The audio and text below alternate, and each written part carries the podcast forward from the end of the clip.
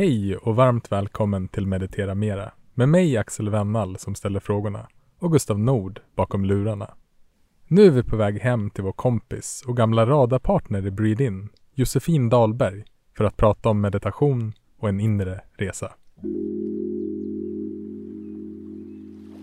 Josefin Dahlberg är aktuell med sin nya bok Soulwork, guide till att ta tillbaka din power, stärka kärleken till dig själv och manifestera dina drömmar. Josefin är utbildad yogalärare. Hon driver plattformen Ola Moon, podcasten Monday Mantra och hon har även skrivit böckerna Idag är jag fri och Livsstilsbibeln. Dessutom leder hon flera olika onlinekurser inom bland annat meditation på sin hemsida. Den gemensamma nämnaren är att hon vill inspirera människor att följa sitt hjärta och att inga drömmar är för stora. Och det är precis det vi ska prata om med Josefin idag. Vad innebär en inre resa och hur kan den se ut? Hur kan vi arbeta för att bli oss själva? Hur kan vi leva våra liv mer i färg istället för i svartvitt? Och vilka tips har Josefin till alla oss som vill meditera mera?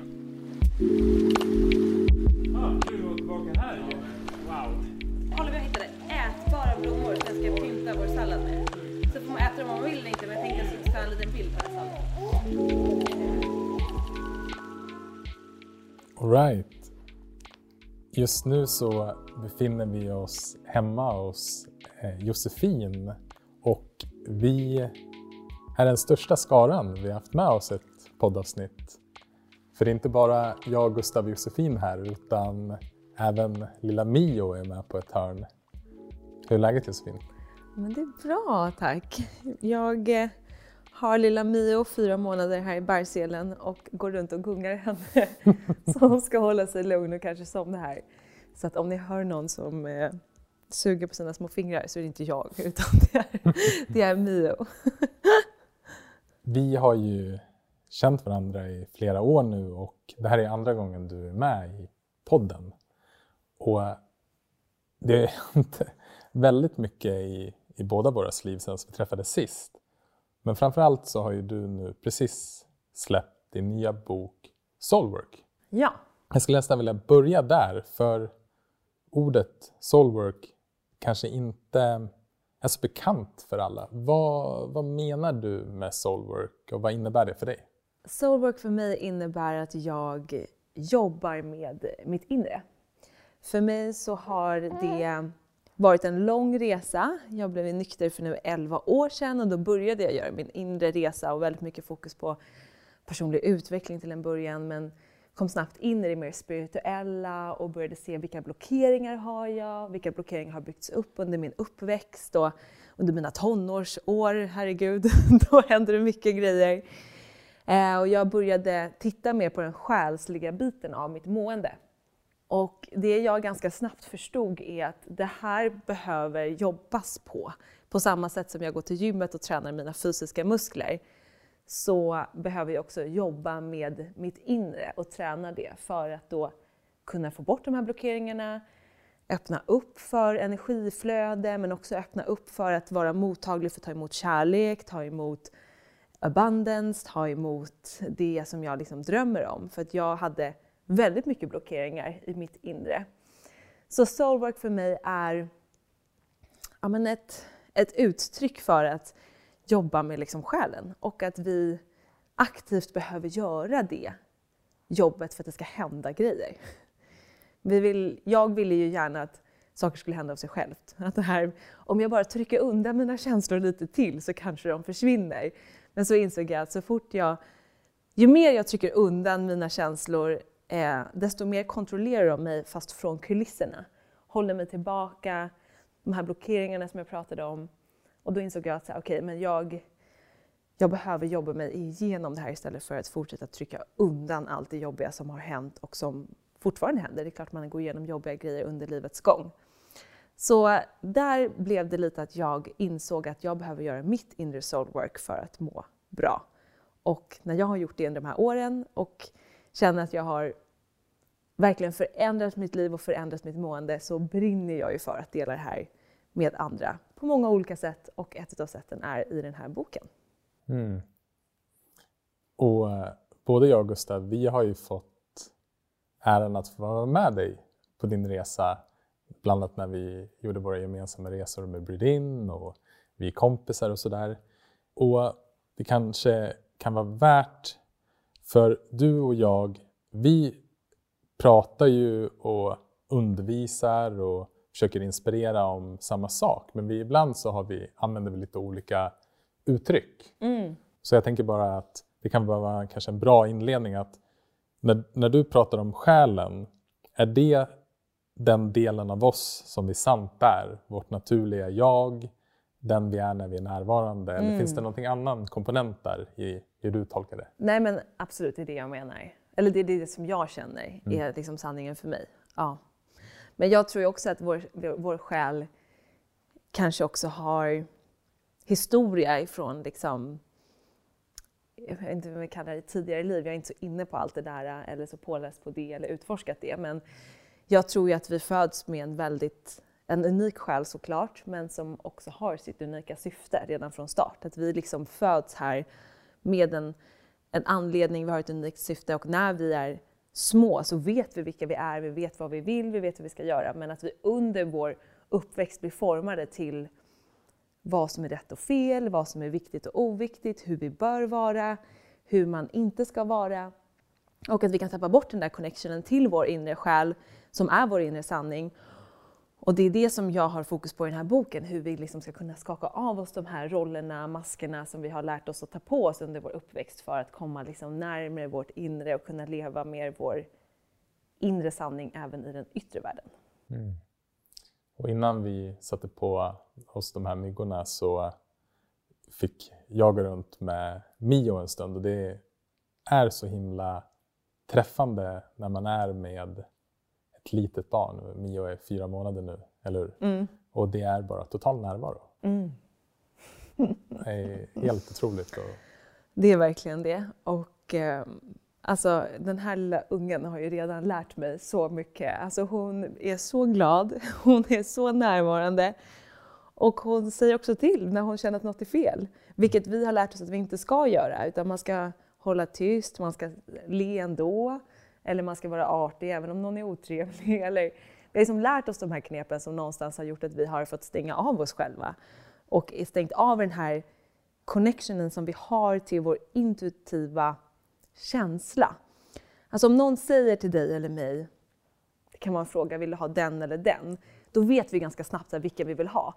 Men ganska snabbt efter vi har fått den där känslan så kommer ju hjärnan och bara, fast vänta, vad vill den andra personen att jag ska säga? Vill den egentligen ha den? Då kanske jag borde välja den. Direkt kommer vi in med de här analytiska liksom, bitarna som vi har lärt oss att vi ska ha. Och någonstans så, för mig blev det väldigt tydligt när jag levde mitt liv, jag var ungefär runt 25, jag hade liksom mitt drömjobb som jag då trodde, jag hade, kände bra pengar, jag hade en partner, jag hade köpt en egen lägenhet, allt det där yttre. Och tänkte så här, men nu ska allting kännas bra. Men någonstans kände jag typ ingenting på insidan.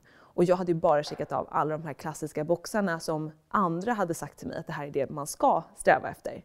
Och det gjorde det så tydligt för mig att jag har bara gått nu på den här yttre liksom, vägen eller mallen som har blivit uppritad för mig och följt den och checkat av. Men jag har inte stannat upp och checkat in om det här känns rätt under vägens gång. Och det tror jag är väldigt vanligt och någonting som jag hör från vänner, familj, följare. Och därför har det blivit någonting som jag brinner för, att våga liksom stanna upp och lyssna inåt till den här inre rösten och känna efter vad är vår liksom, första känsla? Vad vill vi göra? För vi vet det egentligen. Om vi stannar upp och lyssnar inåt så har vi ju svaren där inne. låt oss börja här, för det här är ju en, en så himla viktig del både i, i din resa och i din bok, men, men även för, för oss allihopa.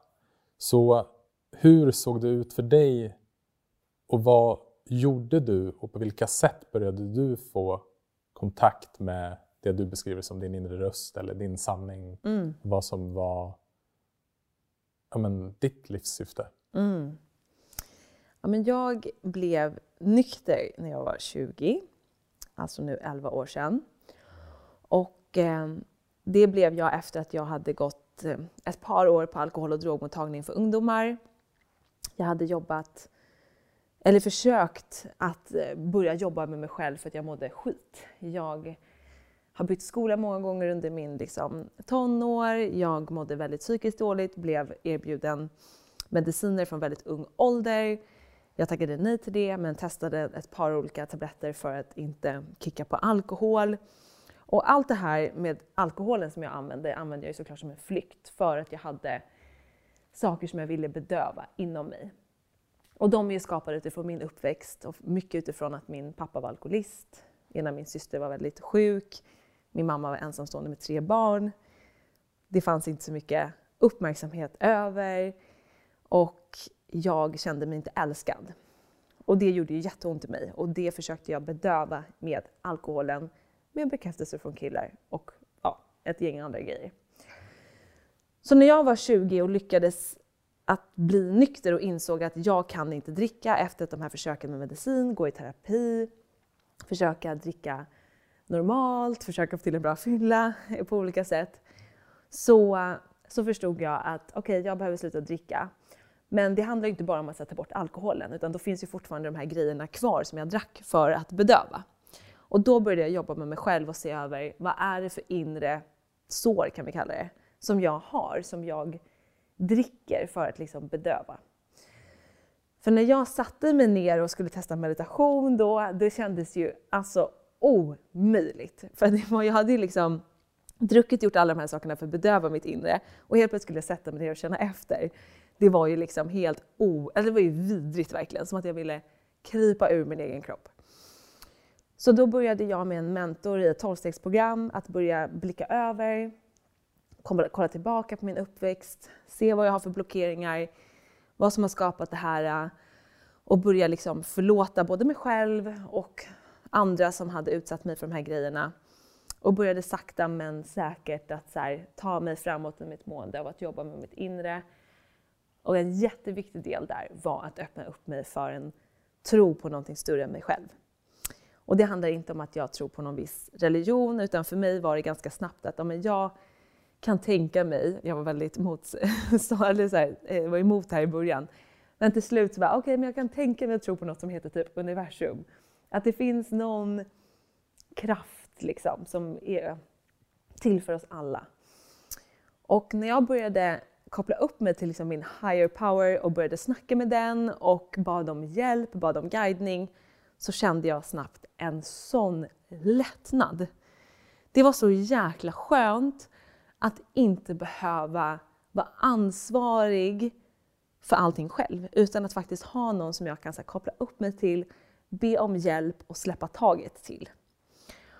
Och det här tog ett tag för mig att etablera den här kontakten och idag, så 11 år senare, så är jag, har jag en extremt stark connection till då universum som jag kallar det och känner mig väldigt hållen och är väldigt sällan orolig eller ältar eller så. För att jag vet att jag är hållen, det kommer bli bra. Så det har ju tagit lång tid att öva upp den men för mig var det en enorm lättnad att få en tillit till någonting utöver mig själv. Och på ett sätt så ser jag också som att min, alltså att jag, du, vi alla är en del av den här kraften. Så att när jag connectar mig inåt och börjar lyssna inåt och är sann i mig själv, då är jag connectad till universum. Det är då jag blir hållen, det är då jag får flow, saker och ting löser sig så att jag inte behöver liksom oroa mig. Och det är verkligen hela min filosofi, att komma, liksom skala av mig de här rollerna, maskerna, komma tillbaka till mitt inre, våga lyssna på den där inre rösten, även om det den säger känns skitläskigt för att det inte är någon säkerhet eller vad det kan vara. Så vet jag att om jag går på det så kommer det bli bra. För när jag går på det, då är jag connectad med mitt inre och samtidigt är jag connectad med det större som kommer liksom supporta mig. Så att för mig så har det varit jättemånga olika alltså vägar på den här vägen och jag har testat det ena och jag har testat det andra och jag har verkligen varit dedikerad till mitt just soul work. Jag har liksom inte legat på latsidan utan jag har utforskat, jag har varit på olika retreats, jag har läst olika böcker, jag har blivit yogalärare, vi har hållit meditationsresor. Jag, eh, ja men är väldigt liksom sökande i det för att jag kände att det fanns en annan väg för mig att läka än att det som jag blev erbjuden från början, ät den här medicinen och det kommer bli bra. Jag tror att för vissa är kanske medicin jättebra, men jag kände väldigt starkt inifrån att det inte är rätt för mig. Det finns en annan väg, jag måste bara hitta den. Och jag tror det är det som har drivit mig så mycket till att eh, jobba med det här i mina kanaler, skriva den här boken, att presentera det här på ett mer lättillgängligt sätt. För att jag var väldigt dedikerad till att söka och hitta alternativa lösningar och kunna jobba med mig själv. Men det är ju många som kanske inte har den kraften att, till att orka. Mm. Och då vill jag presentera i alla fall en början på hur man kan göra det där inre jobbet. När jag hör dig berätta om det här så det som kommer upp i mig och det jag tänker på är att om man vill veta vad man själv vill så behöver man först vara sig själv.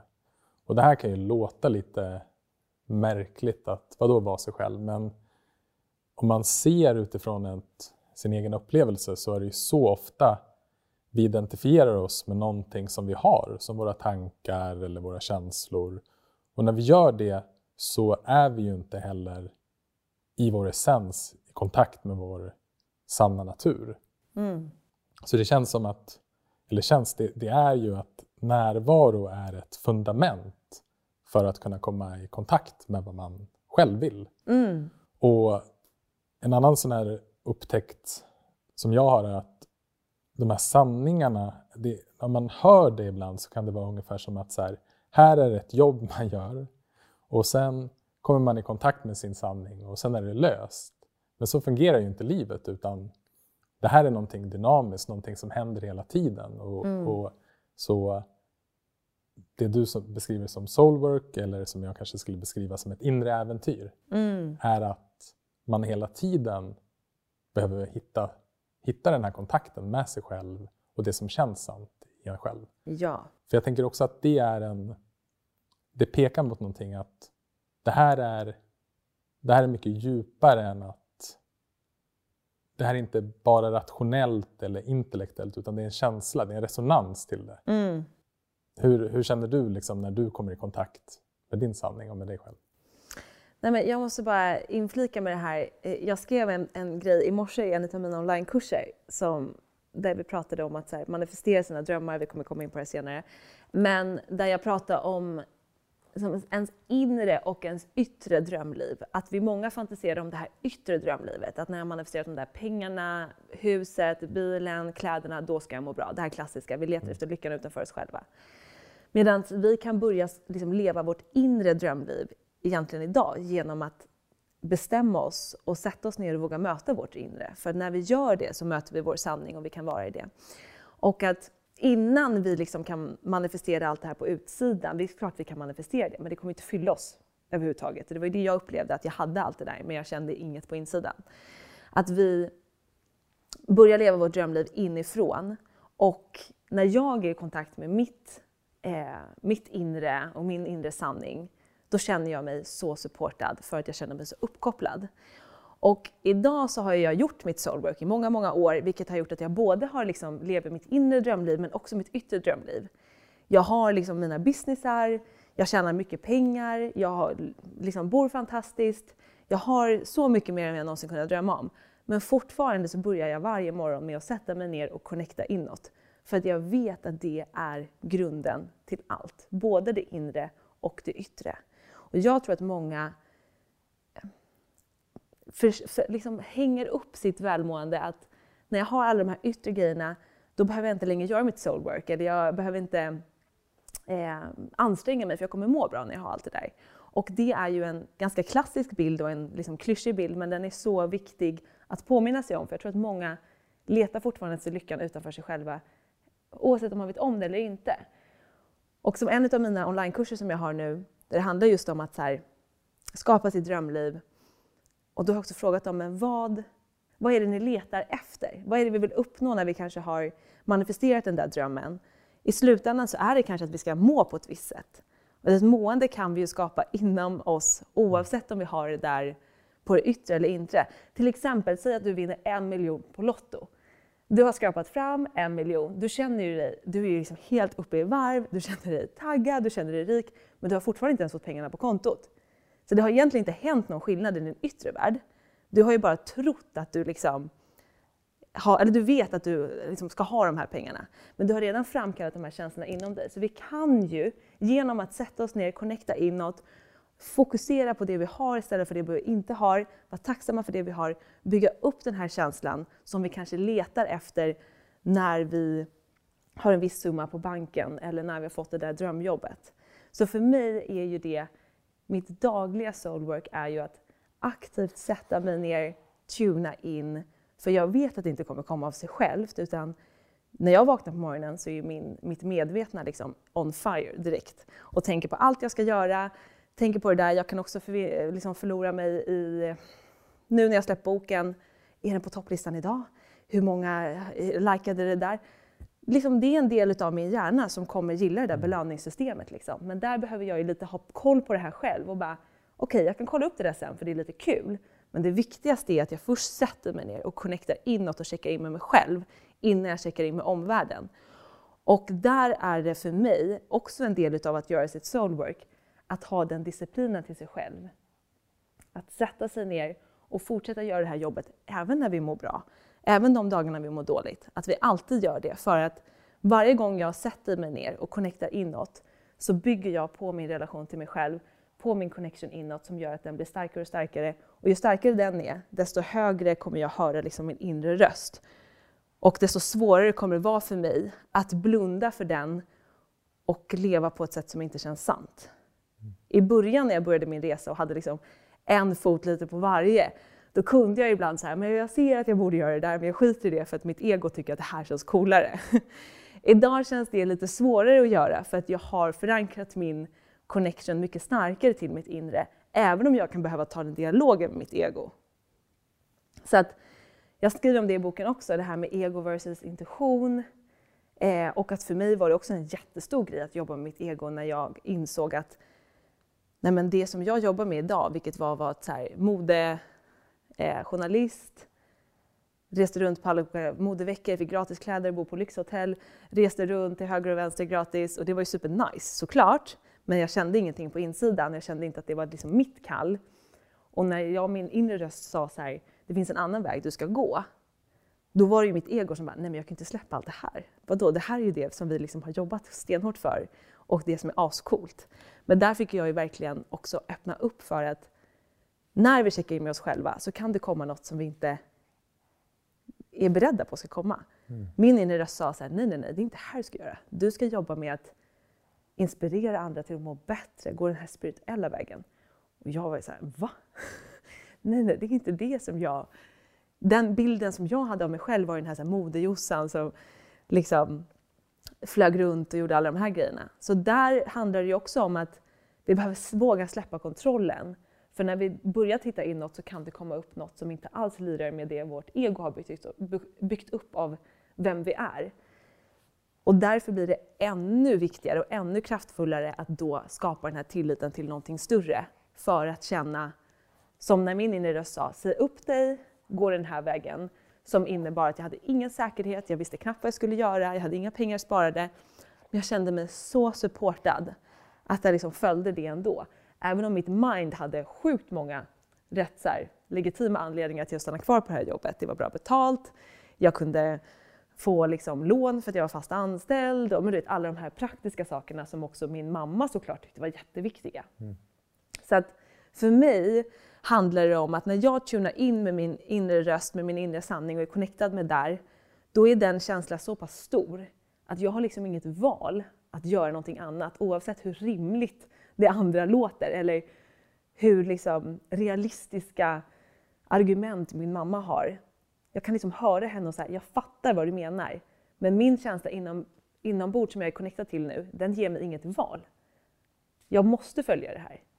Och jag tror att det tar ett tag såklart att öva upp den till att känna en sån stark connection inåt.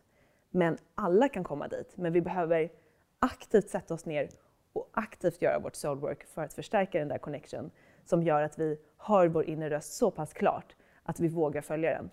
För jag tror också att många kan ju höra den där inre rösten, men man vågar inte följa den. Så vi behöver ju dels se till att slow down, sätta oss ner så att vår inre röst ens har en chans att bli hörd. Men sen måste vi ta modet till oss till att följa den. Mm. Att göra vad man själv vill är ju egentligen vad det handlar om. Att göra det vad man, och när jag säger vad man själv vill är, om vi ska översätta det till, eh, till ditt språk, så är det ja, men sin inre röst. Alltså att vad är, vad är det jag verkligen vill göra? Och, och, livet ger oss hela tiden olika, ställer oss inför olika utmaningar eller frågor, så vi behöver, ju mer kontakt vi kan ha med den, desto mer i linje lever vi våra liv med oss själva.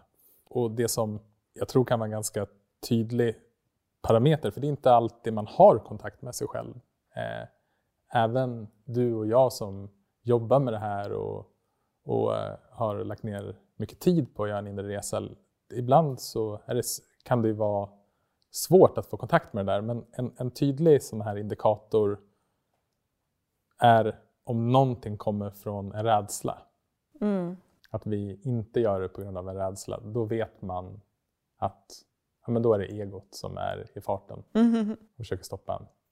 Och som du beskrev, att ja, men det, är inte alltid, det känns inte alltid så bra att gå emot sin rationella sida. Och den här egot presenterar massa fantastiska tankar och idéer kring varför, varför man inte borde göra någonting. Mm. Och du beskrev till exempel som, dina, som din mamma, det är väl ett jättetydligt exempel. Man har vänner eller föräldrar som agerar som någon sorts, sorts eh, dörrvakter. Att de ah. ställer frågor så här, ska du verkligen göra det här? Mm. Och att se att jo, men det är en del av det.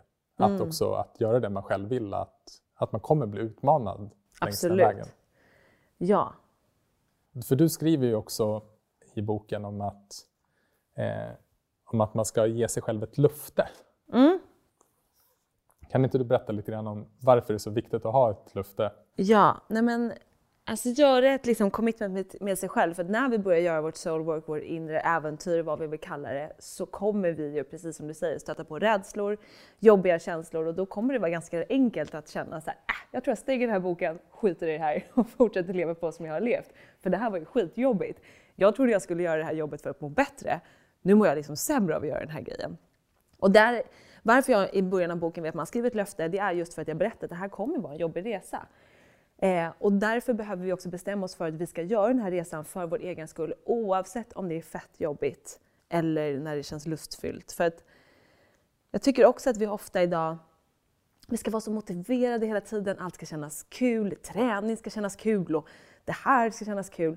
Vissa grejer har jag 100% övertygad om att vi bara behöver lära oss, typ som att borsta tänderna som meditation som du och jag tror jag båda kan skriva under på att vi inte varje dag tycker det är kul, men det är någonting vi gör för vi vet enormt eh, vilken effekt det ger oss. Och lite samma för mig är det att om vi gör commitment med oss själva till att göra vårt soul work och gör det här löftet så kommer det vara lättare att fortsätta att få, eh, göra jobbet även när det känns jobbigt och när de här rädslorna kommer och blockeringarna känns liksom olidliga, för det kommer det göra. När vi börjar grotta i vårt inre och stöter på de här sakerna som vi annars kanske försökt trycka undan eller försökt blunda för, så är det klart att det kommer utmana oss. Så att löftet för mig är en avgörande del just för att man skriver det här så osynliga, eller skriver det på papper, kontraktet med sig själv att så här, jag förtjänar att göra den här resan. Även om det kommer vara jobbigt, även när det kommer kännas härligt, läskigt, roligt, vad det nu än är, så förtjänar jag att göra hela den här resan för min egen skull, för att jag ska kunna må bättre. Och om man ger sig själv det löftet, det som är fascinerande med det är att då kan faktiskt allting som man stöter på, allt det jobbiga, obehagliga, läskiga, kan bli stunder för att växa. Ja. Att man kan, man kan helt plötsligt vrida perspektiv. Det är såklart ingen av oss som vill ha jobbiga stunder, men om man ser utifrån ett personligt utvecklingsperspektiv så är det i alla stunder, det är som på något sätt våra lärare mm, när, det, när det uppstår. Och då helt plötsligt, om man kan få in det intresset i sin egen, sin, den typen av nyfikenhet, uh. det är ju verkligen en game changer. Ja. För då helt plötsligt så är inte någonting som händer än och man hamnar inte heller i den I här, offerpositionen. i den här offerpositionen. Mm. Exakt, utan då kan man börja, då kan man börja se det utifrån, okej, vad, vad, hur fastnar jag här? Ja. Vad finns det här i mig som jag kan utveckla? Exakt, och det där handlar ju mycket om att här, ta tillbaka sin inre power som jag också skriver om i boken. Att det är lättare att ju säga det här hände mig, den där personen gjorde det, än att se sin egen del. Det är ju en jättestor väg att gå från det ena till det andra. Men när vi äger vår power och vi också inser att vi kan påverka vårt liv mycket mer, vilket borde vara en positiv nyhet för alla att höra, att så här, du har mycket mer kraft och makt att påverka ditt eget mående och ditt liv, mer än vad du tror.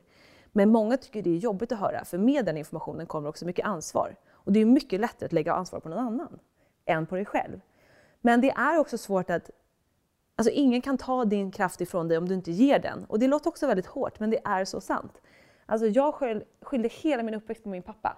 Och självklart när jag var barn, då var det inte rätt att min pappa skulle behandla mig på det sättet. Eller de sakerna han utsatte min familj för. Men när jag blev vuxen så insåg jag att jag har faktiskt ett val att inte längre ge över makten över mitt liv till min pappa. Han kommer förmodligen aldrig ge mig den bekräftelsen som jag gärna vill ha. Och det, framförallt inte nu när han inte lever så kan han inte ge mig den. Mm. Utan någonstans behövde jag, när jag blev vuxen, inse att jag äger min egen kraft. Och med det ansvaret så blir det också som du säger att se på vad, hur kan jag växa av de här motgångarna eller när jag känner att det inte blir som jag har tänkt mig, när jag känner att jag har fel i någonting istället för att bara skylla på liksom andra eller på omständigheterna eller vad det kan vara. Men det är såklart superstort steg att göra och jag märker ju fortfarande hur jag liksom ibland vill hitta yttre faktorer. Men nu jobbar jag med min mentor dag, eh, varje vecka. Hon är väldigt bra på att genomskåda mig mm. och bara hmm, Tror du inte att det där beror på lite med det här? Och då bara, ja, jo, fan, det har du rätt i. Så att det är ju som du säger också att, och som jag skriver i boken, herregud, alltså en soulwork kommer vara hela livet. Man mm. blir liksom aldrig klar. Det kommer hela tiden nya saker. Men för mig har det ju varit otroligt givande och verkligen fått mig att växa, att inse att eh, jag själv äger ansvaret och att jag själv kan se på situationen att hur kan jag lära mig från det här snarare än att känna mig som det här offret. Liksom. För det spelade jag i så många år, hela min tonår. Otroligt synd om mig. och det vill jag gärna att alla skulle tycka. Mm. Nej, men, och det är verkligen viktigt att punktera att de flesta av oss har ju fått lärt oss, eh, och jag är verkligen en av dem, i att projicera över vårt eget välmående på andra, att det är någon annans fel som gör att jag känner det jag gör. Mm. Och precis som du beskriver det här med att du, du har din mentor så är, är det verkligen, kan det verkligen vara så hjälpsamt att ha en person och helst en professionell person som en coach eller en mentor eller, mm. eller någon som kan hjälpa en att bara bli medveten mm. om när man förflyttar sitt eget välmående till någon annan.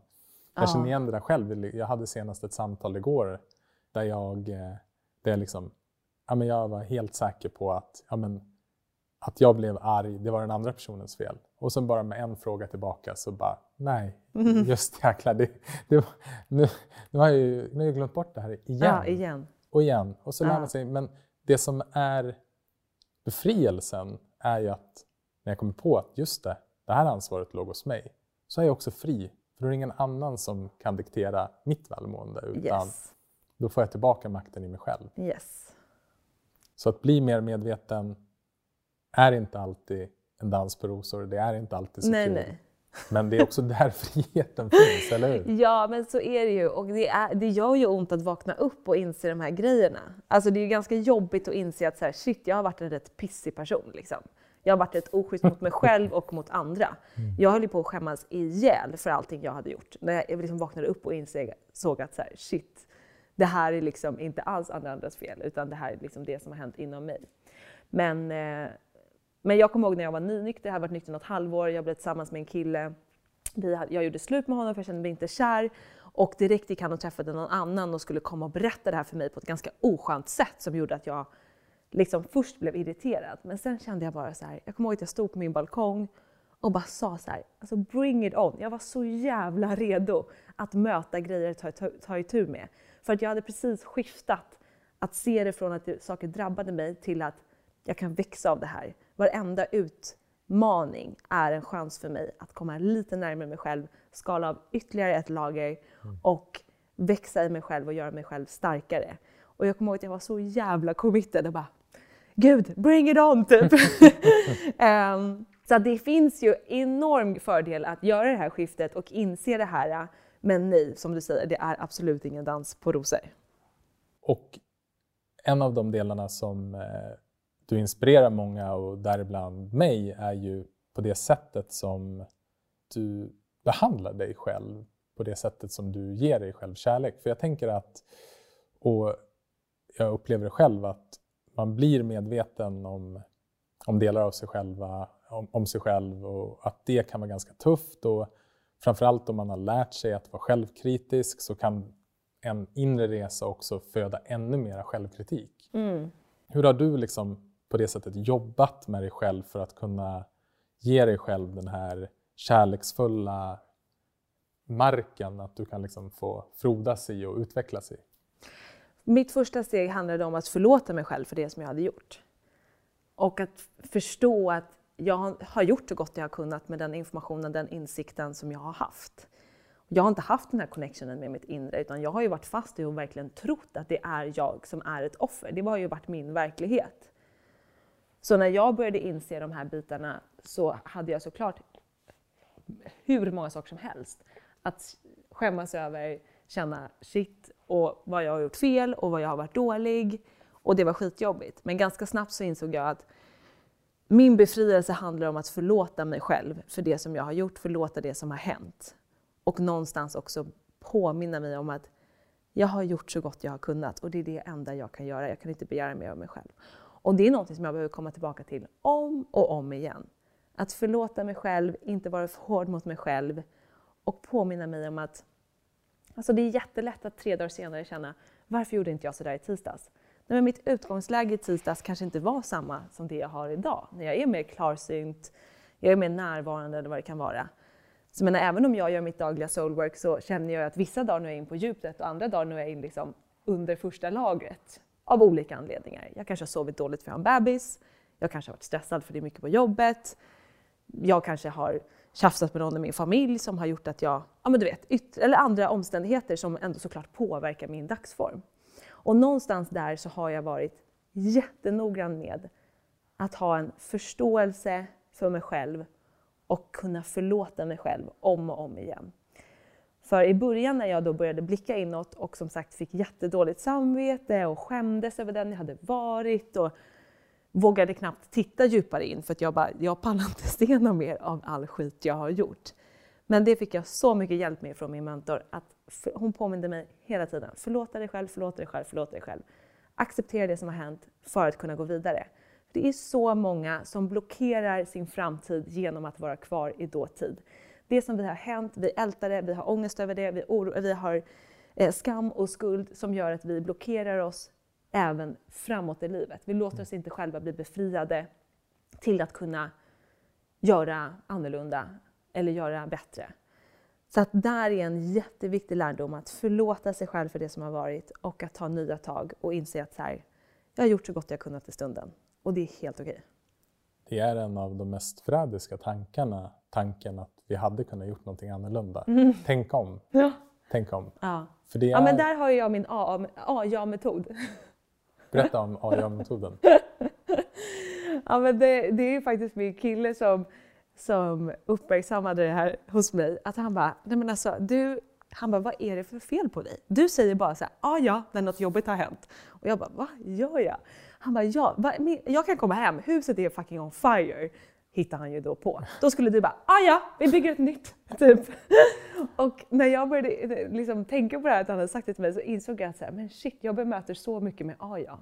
Och det är ju för att jag har befriat mig själv från ältandet. Och då ska jag säga att det här är ingenting jag har fötts med, att säga ah ja, utan jag har ältat sönder mig över saker. Legat sömnlös över att ha ältat mitt beteende, ångrat ihjäl mig och vad jag har gjort, inte gjort, you name it. Så det här är ju någonting, genom att jag har förlåtit övat på att släppa taget, övat på att lita på att det finns en kraft som vill mig väl. Som liksom, så fort jag connectar mig inåt och uppåt så kommer det liksom gå vägen. Då är det så mycket lättare att tänka, ah, ja mm. För som du säger, det är ju verkligen så tärande att fastna i de här tankeältande looparna.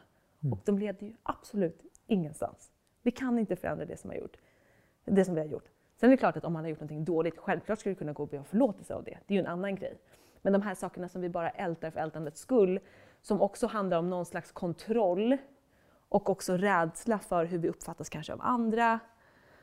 Och där har det varit en annan viktig grej för mig att inse att så, här, så länge jag vet att jag har haft goda intentioner så behöver inte jag bry mig om hur andra uppfattar mig.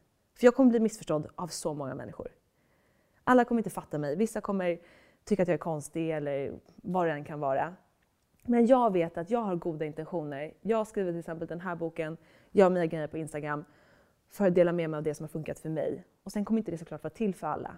Men jag vet att jag har gjort det med en god intention och då behöver jag inte heller längre gräma mig för hur det tas emot av andra.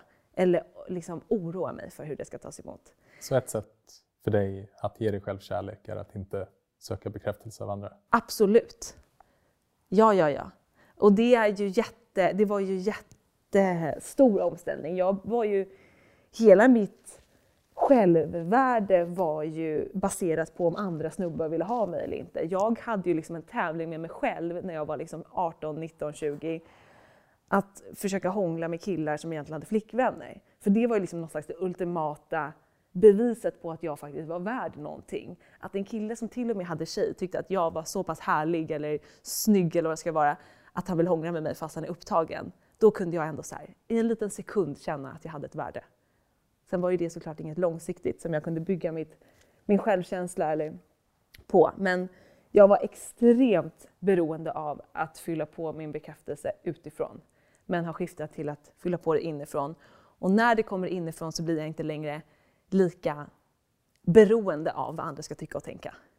Och det gör ju också att jag kan gå min egen väg.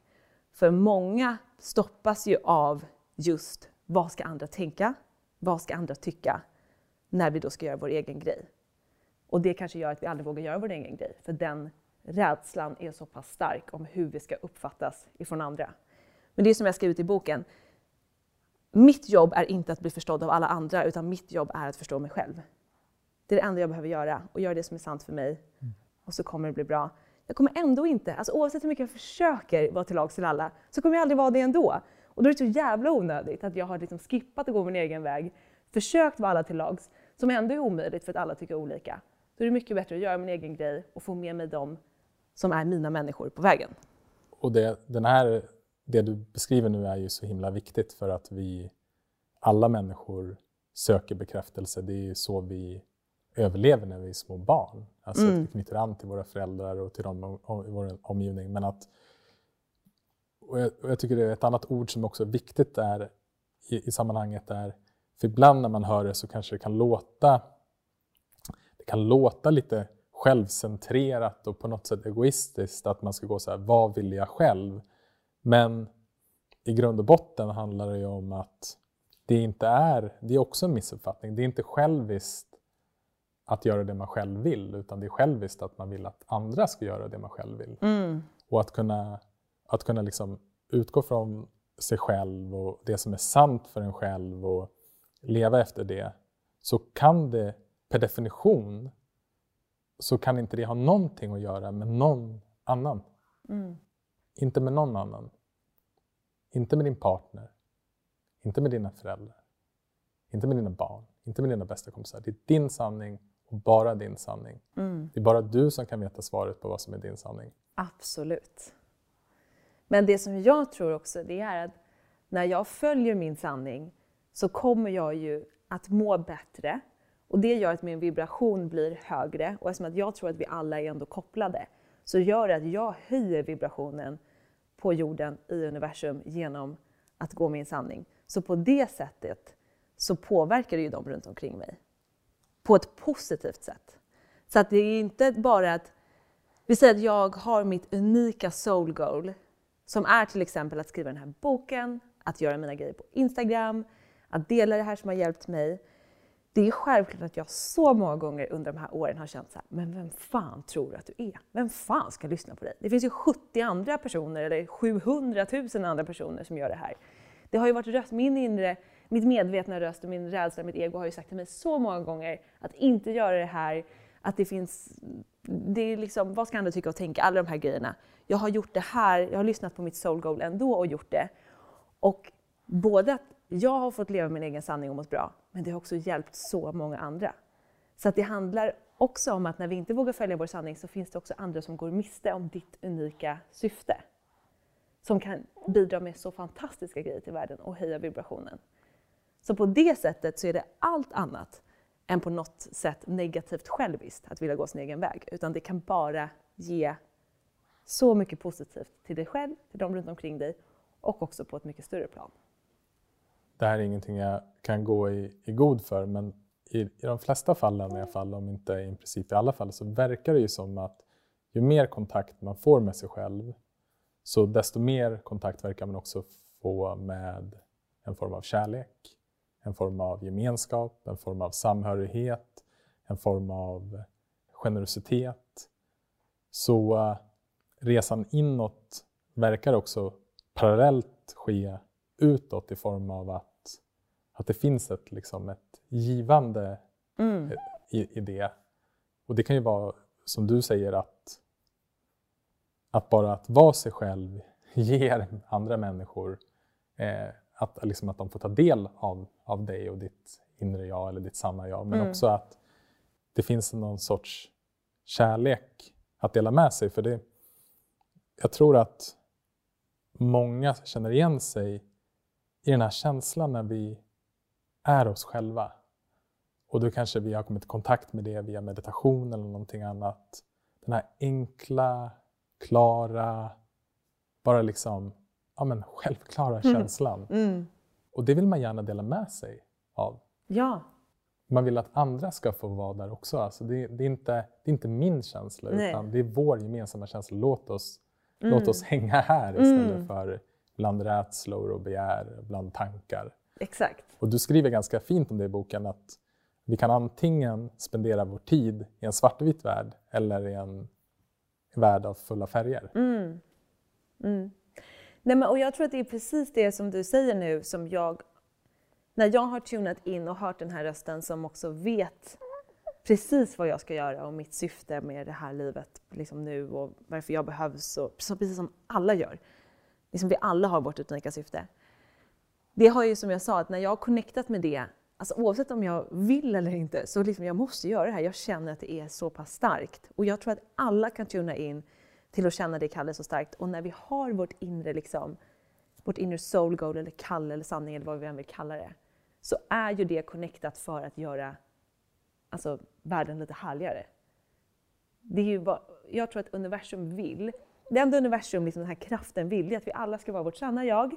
Vi ska må fett bra, vi ska leva ett härligt liv. Och när vi liksom connectar till det så kommer vi få så mycket hjälp på vägen.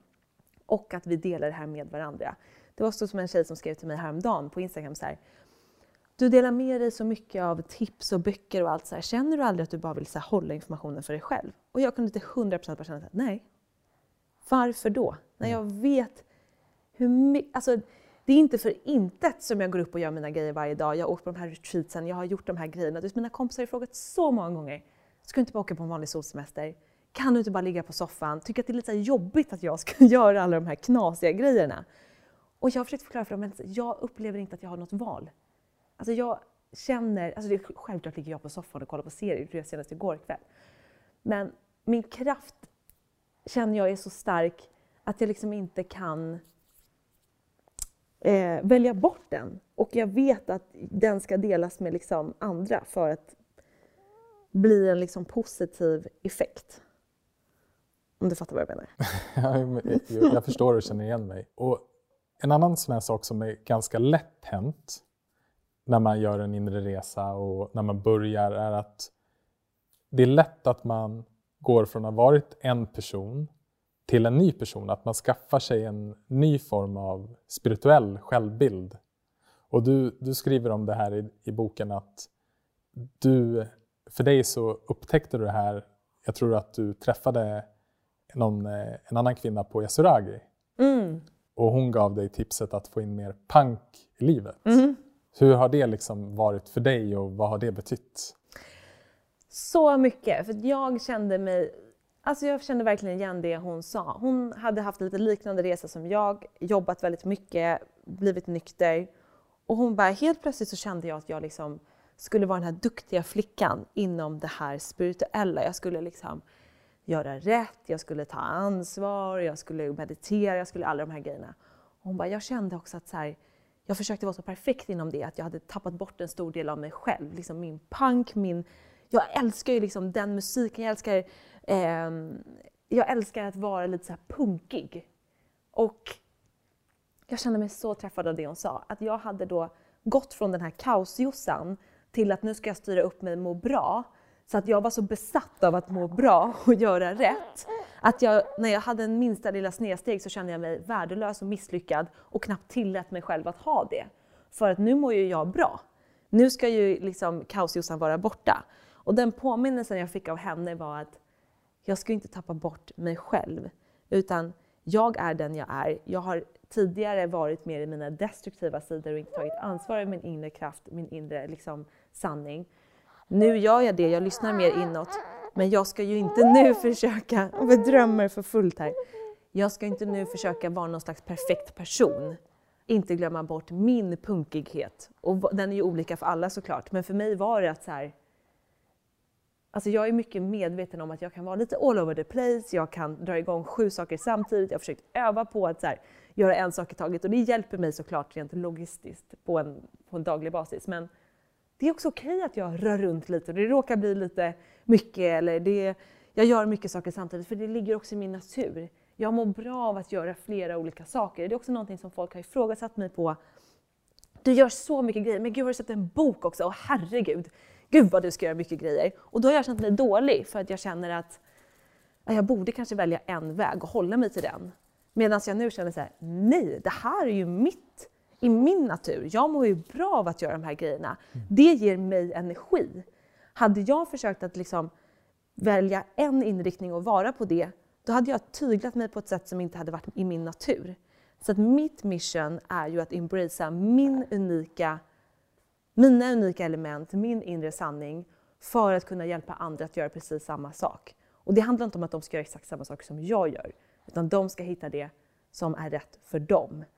Att våga embracea det som är vårt unika, som vi kanske tidigare försökt tona ner, trycka undan, men att istället stå stadigt i det och känna att det här är jag och jag förtjänar att må bra och leva mitt drömliv precis som jag är liksom självförtroende handlar inte om att låtsas vara någon annan. Självförtroende handlar om att våga vara sig själv och våga leva sin sanning. Och det är någonting som jag kommer tillbaka till om och om och om igen. För att jag kan fortfarande komma på mig själv att känna, jag kanske inte borde göra en till grej. Jag kanske borde göra så här. Så bara, fuck it. Gör det som det är lustfyllt, som känns kul, för det är där min riktiga känsla finns. Inte när jag försöker analysera vad som vore bäst. Mm. Nej, men det är eh, så tydligt när man hamnar i, i tillståndet av rätt eller fel, bra eller dåligt. Och det kan man såklart göra. Det är ingen skillnad bara för att man börjar meditera eller börjar jobba med sig själv, utan eh, det spirituella egot finns där också. Och att upptäcka det igen och igen är också en del av resan.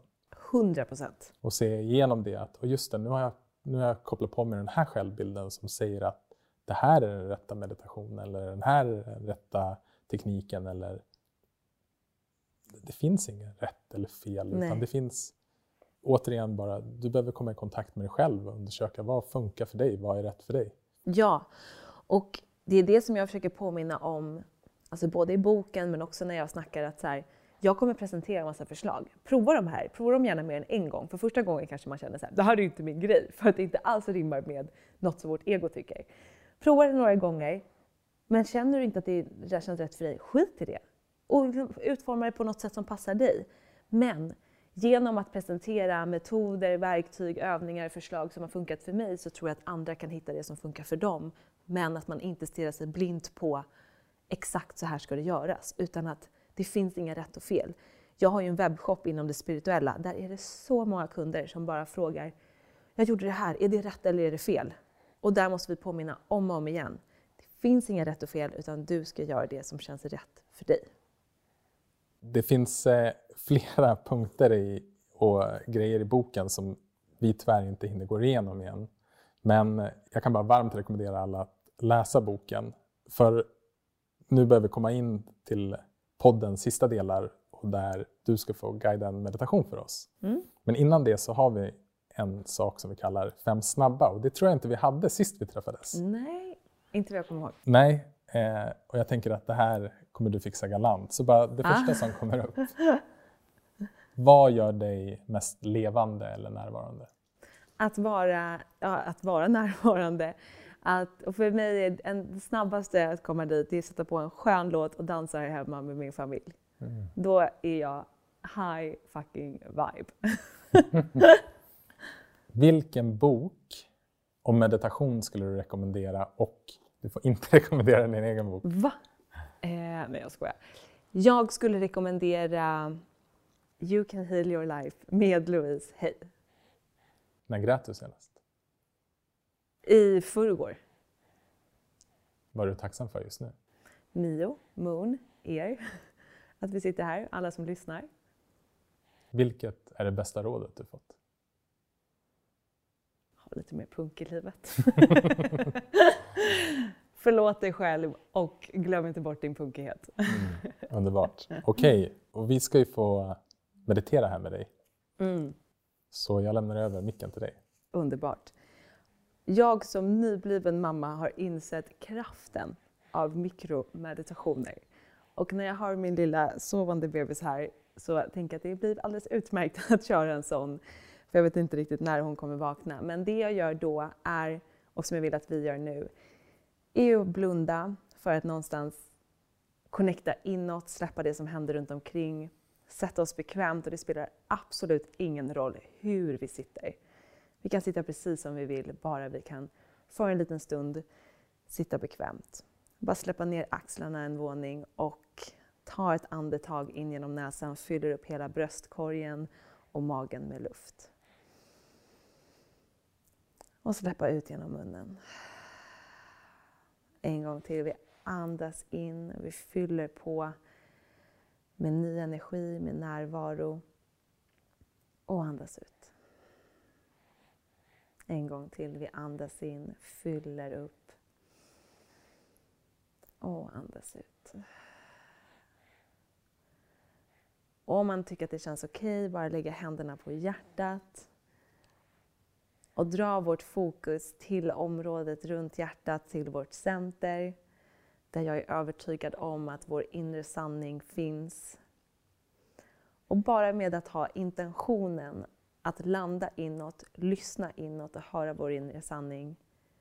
Och mer än så behöver vi inte göra, för jag är övertygad om att vår själ vet exakt vad den ska göra och vad den behöver för att få komma fram. Men vi behöver med vår fysiska kropp stanna upp och ge oss själva en chans att höra vår inre sanning. Bara sitta en stund, connecta med andetaget, låta det komma in och ut genom näsan i egen takt. Hålla kvar händerna på hjärtat och rikta vårt fokus dit. Och när vi känner att tankarna kommer och vill dra oss framåt eller bakåt i tiden så kan vi välja att rikta tillbaka fokuset till området runt hjärtat, till vårt center för att stärka vår connection inåt så att vi lättare och starkare kan höra vår inre sanning, vår inre guide. Och vi tar ett djupt andetag in till hjärtat och känner hur vi fyller upp hjärtat med ny energi. Och släpper ut. Lägger ner händerna, kanske skakar lite på händerna, på axlarna, på huvudet. Vi gungar lite där vi sitter.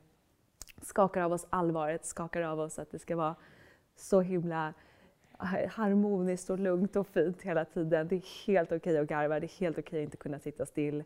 Men vi kan alla på ett eller annat sätt tuna in med oss själva precis där vi är. Vi öppnar ögonen och känner hur den här lilla, lilla stunden ändå kan skapa ett inre skifte och att det här finns tillgängligt för oss när och var som helst. Tack. Tack!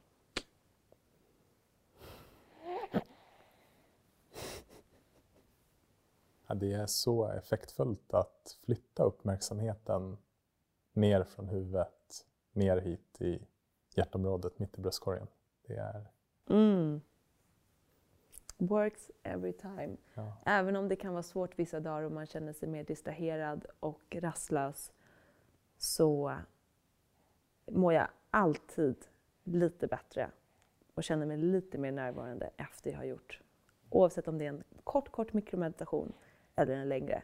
Jag ångrar liksom aldrig en meditation. Nej. Det är bad och meditationer ångrar man aldrig. Nej. Josefin, tusen tack för att vi fick komma hem till dig idag och få prata med dig om din inre resa och din nya bok. Eh, innan vi, innan vi ska gå för idag, så eh, har du något tips på någon gäst som du skulle vilja höra i Meditera Mera?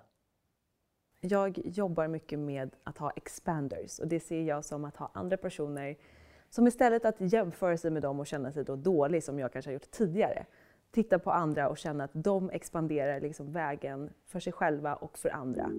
Och några av de expanders som jag är så inspirerad av just nu är en amerikansk tjej som heter Melissa Wood och även Gabby Bernstein som jag pratat om tidigare. Så jag ger en liten utmaning att få dem on the show. Mm. Challenge taken. Underbart! Jag ser fram emot att lyssna. Tack för idag. Tack!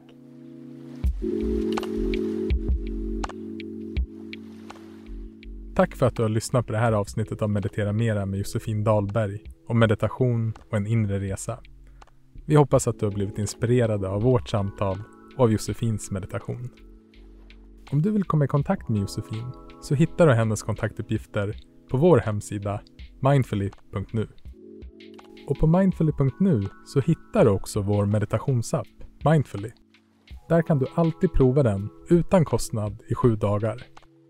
I appen hittar du en meditationsresa som är för dig som vill lära dig att meditera och för dig som vill stärka din närvaro och medvetenhet. Den består av sju delar och 49 meditationer. Och är det något vi har tagit med oss från vårt samtal med Josefin är det att få in lite mer punk i livet. Ta hand om dig så hörs vi snart igen.